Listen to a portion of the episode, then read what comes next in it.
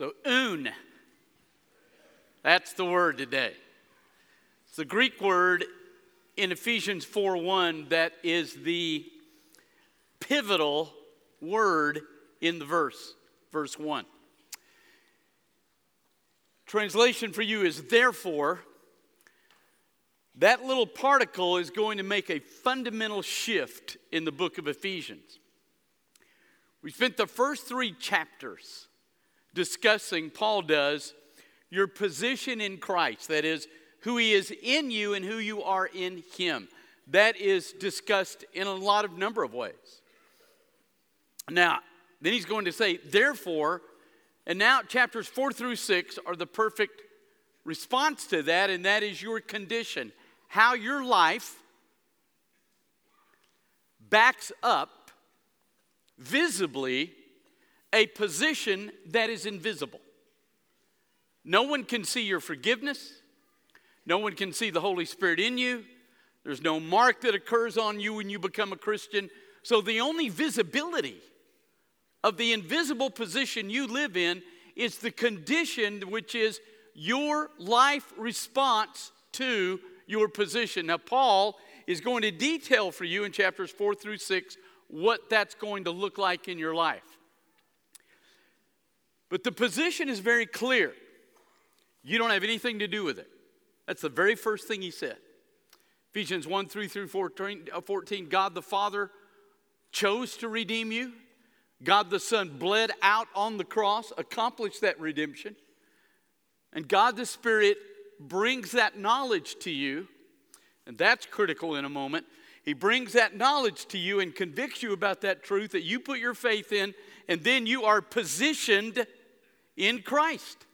Now, there are aspects in this, these first three chapters that you have to have to enact your condition. You can't have the proper condition if you haven't been positioned. For example, he prays two things. If you'll remember when we walked through those early on, he prays, and one of the things he prays for in the first prayer, he uses four different Greek words for power. So he prays for you to understand God's power in your position that's now in your life as a result of who you are in Christ. We ended with him praying, and he used an agricultural metaphor and a construction metaphor. He said, I want you rooted, and I want the slab of your foundation on the fact that God loves you. I want that to be the centerpiece for you. So he locks those down. Now, the reason those two are critical is because for your condition to be altered, there are promises in the Bible that you're going to have to believe. And the only way you can believe and trust a promise is if you know two things. If you know God can enact the promise and He will enact the promise. If I understand His power working through me, I know that there's not a promise He cannot enact in my life. And if I understand how much He loves me and I'm rooted in that, I know there's not a promise He won't enact in my life. So the position and all the things we learned in the first three chapters are critical to the condition. So now we're going to walk into the visibility of what is invisible. Your condition will do two things it will prove your position, and it will make visible who you are in Christ. Now, listen to what he writes verse 1. I beseech you. That's most of your translations. The Greek word really means, I call you alongside. So here's what he's saying, okay? He says, I'm asking you, I'm walking toward Christ, and I want you to join me in that walk. I want you to be visible in who you are. I'm visible. Even though I'm in jail, people know who I am. So I want you to be visible in that. So I want you to join me. Now, before he takes you any further, he gives you a little warning. He says, I, Paul, I beseech you, not I, Paul, I beseech you, therefore, the prisoner in the Lord. Now, before he takes you and before he really tells you what this is going to mean, he says, Look, if you walk with me where people see in your life the position you hold in Christ, if you do that, it may not work out well for you. Now, he's in his probable fourth year of prison. It's been two years in Caesarea by the sea. Now he's two years in Rome. In Rome, he's having to finance. He's in a house, but he's financing his meals and his clothing and everything else. He's having to pay for everything, probably including the Roman guard. So this guy has just worn out. And so he says, Look, I want you to understand if you allow your condition to surface,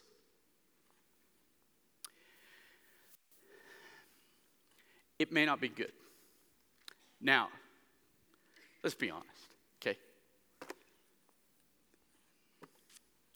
15 years ago, that wouldn't be true in America.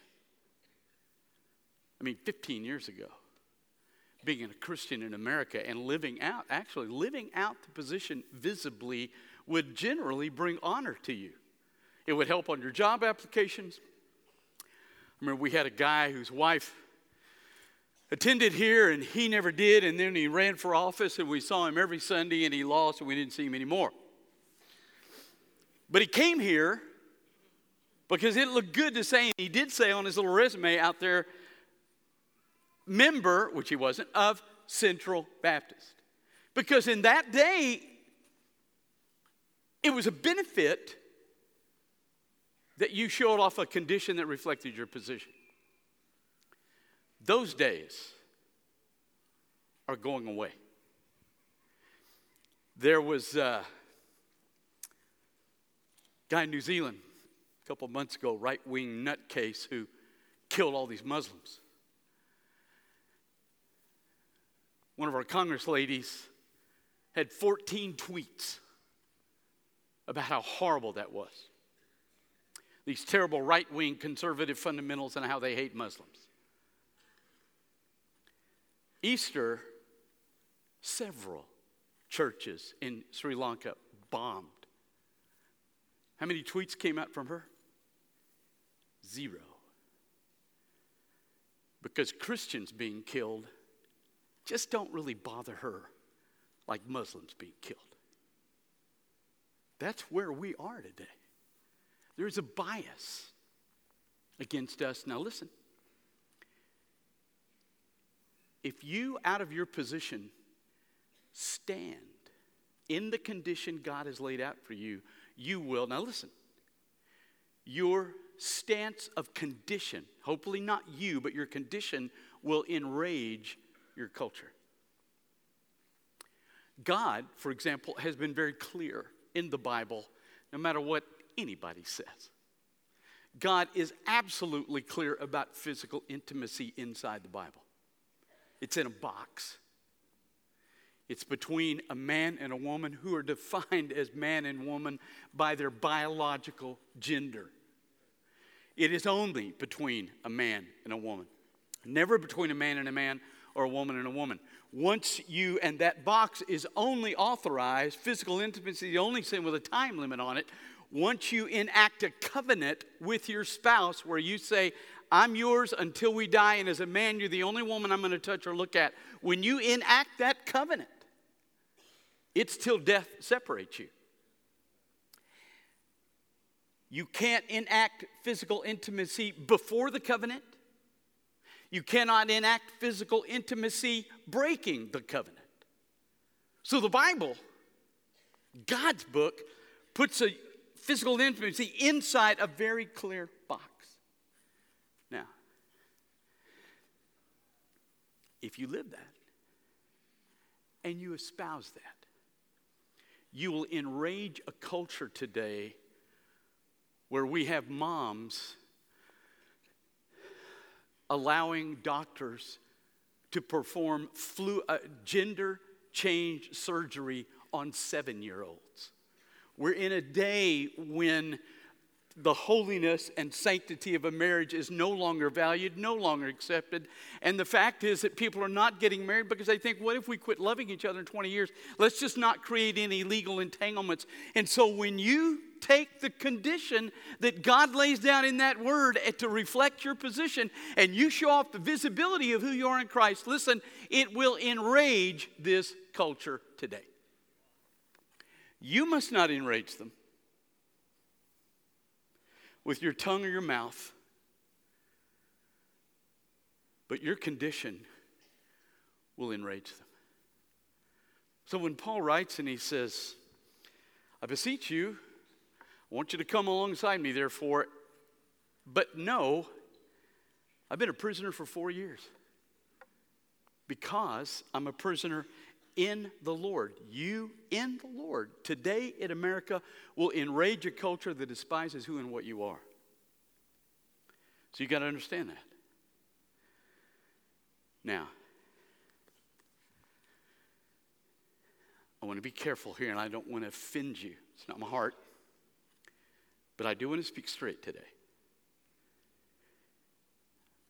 I want you to listen carefully. I beseech you, therefore, the prisoner in the Lord, to walk worthily of the calling with which you've been called. Now, he's not referencing my call to preach or your call to be an attorney or your call to be a doctor. That's not what he's referencing. He's referencing the general call that every single one of us, actually, I think every single person in the world gets. Listen to John chapter 6, verse 44. Listen to what he writes. Or, I'm sorry, listen to what Jesus says. Not even one person is able to come to me unless the Father who sent me pulls him to me and I shall raise him in the last day. Now he says, now there's your calling. Okay? Your calling is that at some point in your life, the Holy Spirit of God is going to come and he's going to pull you toward Christ. Now, you can say, don't want it. You're going to live with the consequences of that, but the Holy Spirit is going to pull you toward Christ.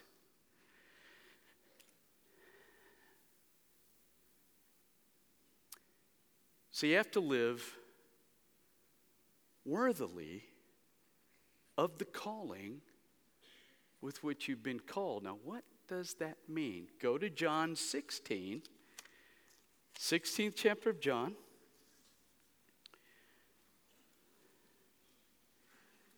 And here it is.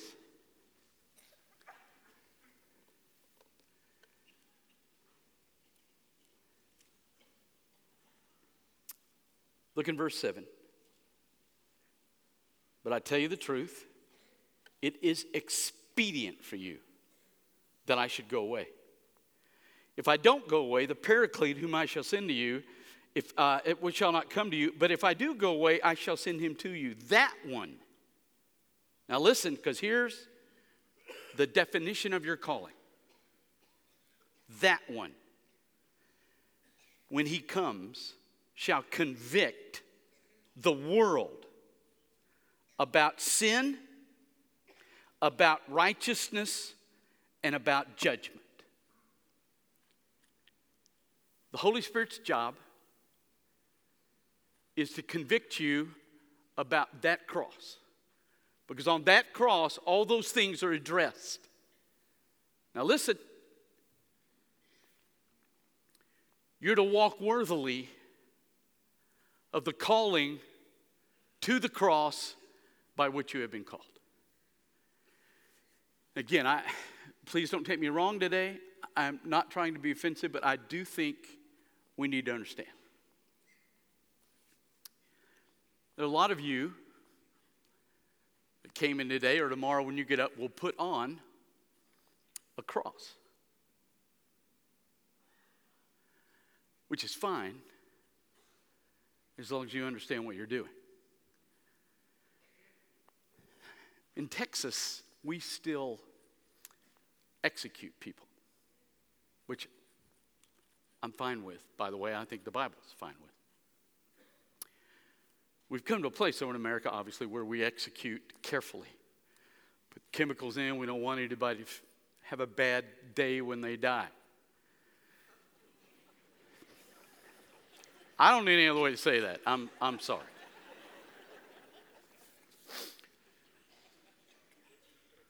We used to execute with an electric chair, which was violent.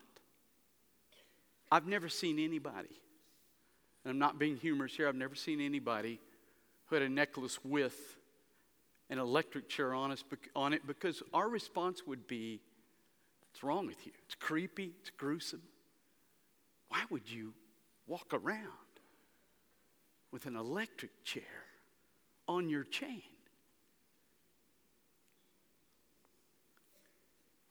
That is way worse than an electric chair.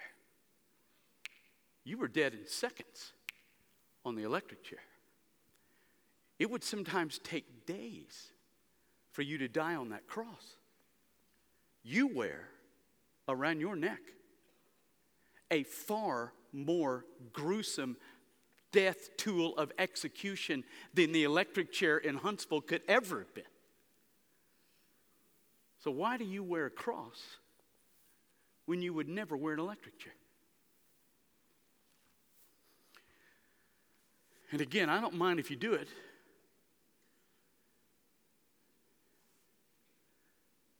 As long as you do it worthily of your calling.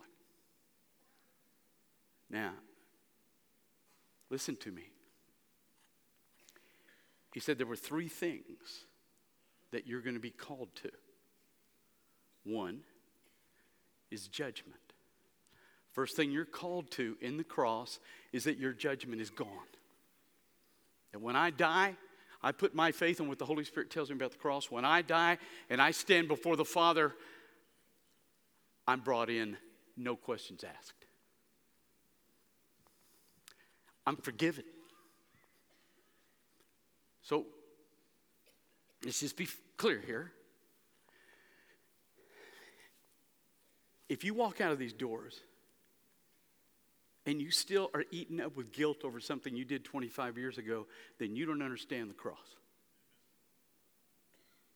You are forgiven, locked down, no sin, gone. So there's the first thing.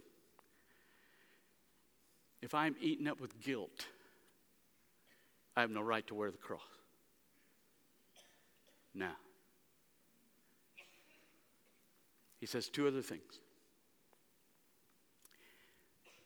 He's going to convict you about sin.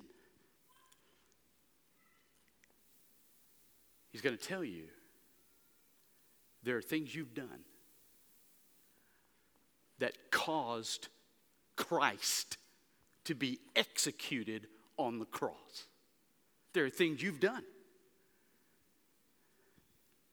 You have violated his character in ways in your rebellion that have caused him to go to the cross. And he's going to convict you about that. So if I walk worthily of my calling,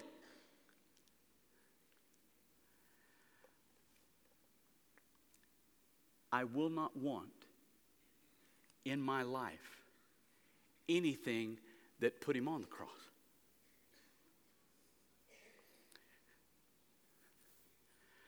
Having a glass of wine before dinner did not put him on the cross.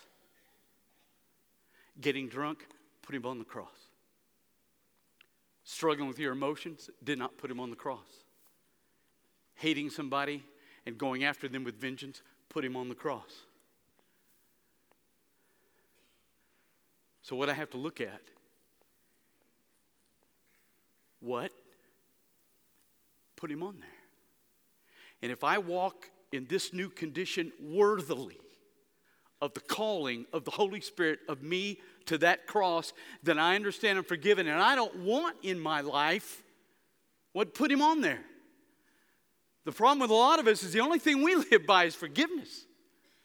When you sit there and you look at yourself in the mirror and you go, you know, I know I shouldn't do that, but God will forgive me. You have misunderstood and you are not worthy to wear a cross. Because if you walk worthily, you will not only understand you're forgiven, but you will not use, listen, you will not use your escape from judgment to legitimize violating his character still. You cannot do that and walk worthily of the calling with which you have been called. You come to a place where you say, you know what, God? I don't care what Baptists think, I don't care what Lutherans think. I just want to know whatever I did that nailed you to that tree, I don't want it in my life. Thirdly, righteousness. The reason Jesus was able to take my sin is because he was perfectly holy. And out of that holiness that was so good, God was able to dump all my sin on him. So, the third thing that I understand if I'm called to that cross and I walk worthily is that I not only understand I'm forgiven, I not only go, God, I don't want in my life would put you on there, and I do want in my life would qualified you to die. I want that in. That's the third way you walk worthily of the cross and the calling.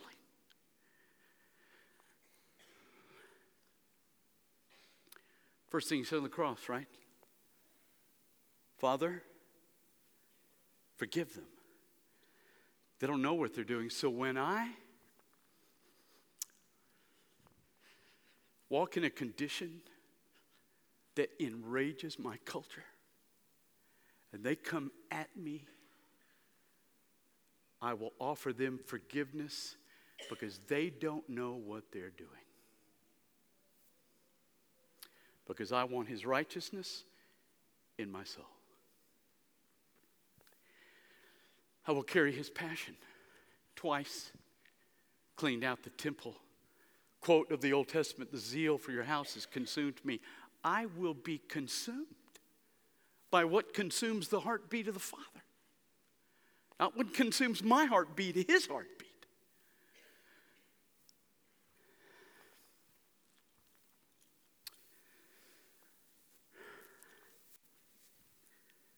I will become a person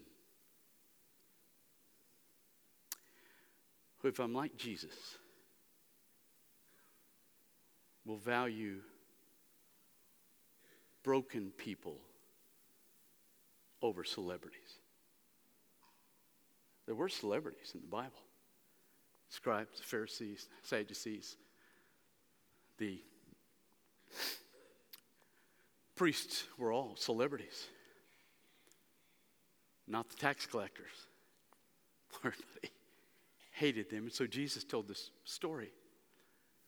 There was a tax collector and a Pharisee standing next to each other in the church, sort of, and the Pharisee looked up and said, You know, God, thank you that I'm not like this sorry piece of dirt next to me. Thank you. The publican, the tax collector, wept on the ground God, I am empty.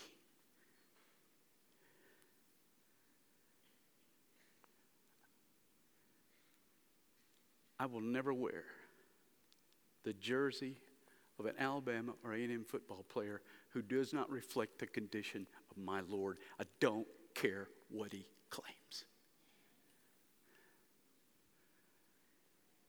It's not about celebrities, it's about the character of men and women who are broken and who have knelt at the cross and said, I'm empty, I need your fullness, Jesus.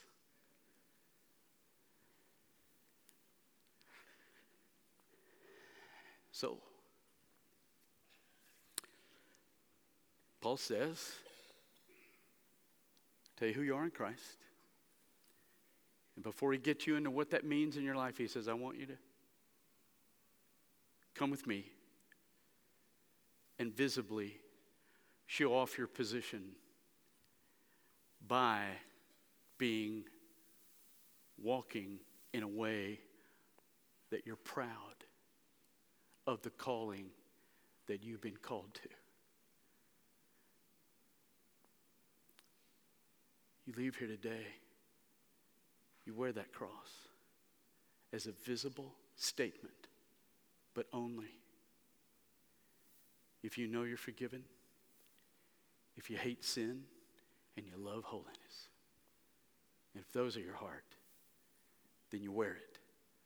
But if they're not, put it in the drawer until they are. Father, do not let us trivialize your place of execution.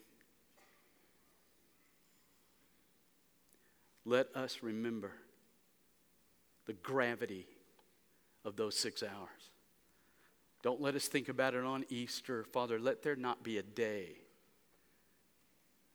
that the seriousness and the gravity and the depth of our calling doesn't stir us in the depths of our soul. I ask you that for your glory and in the name of your Son. Heads bowed, eyes closed. Today's a great day to find Christ. God's calling you to be part of this fellowship. We want you to join us. You want to come down here and pray so you can wear the cross in the way it should be worn? The Holy Spirit speaks to you this morning. You come.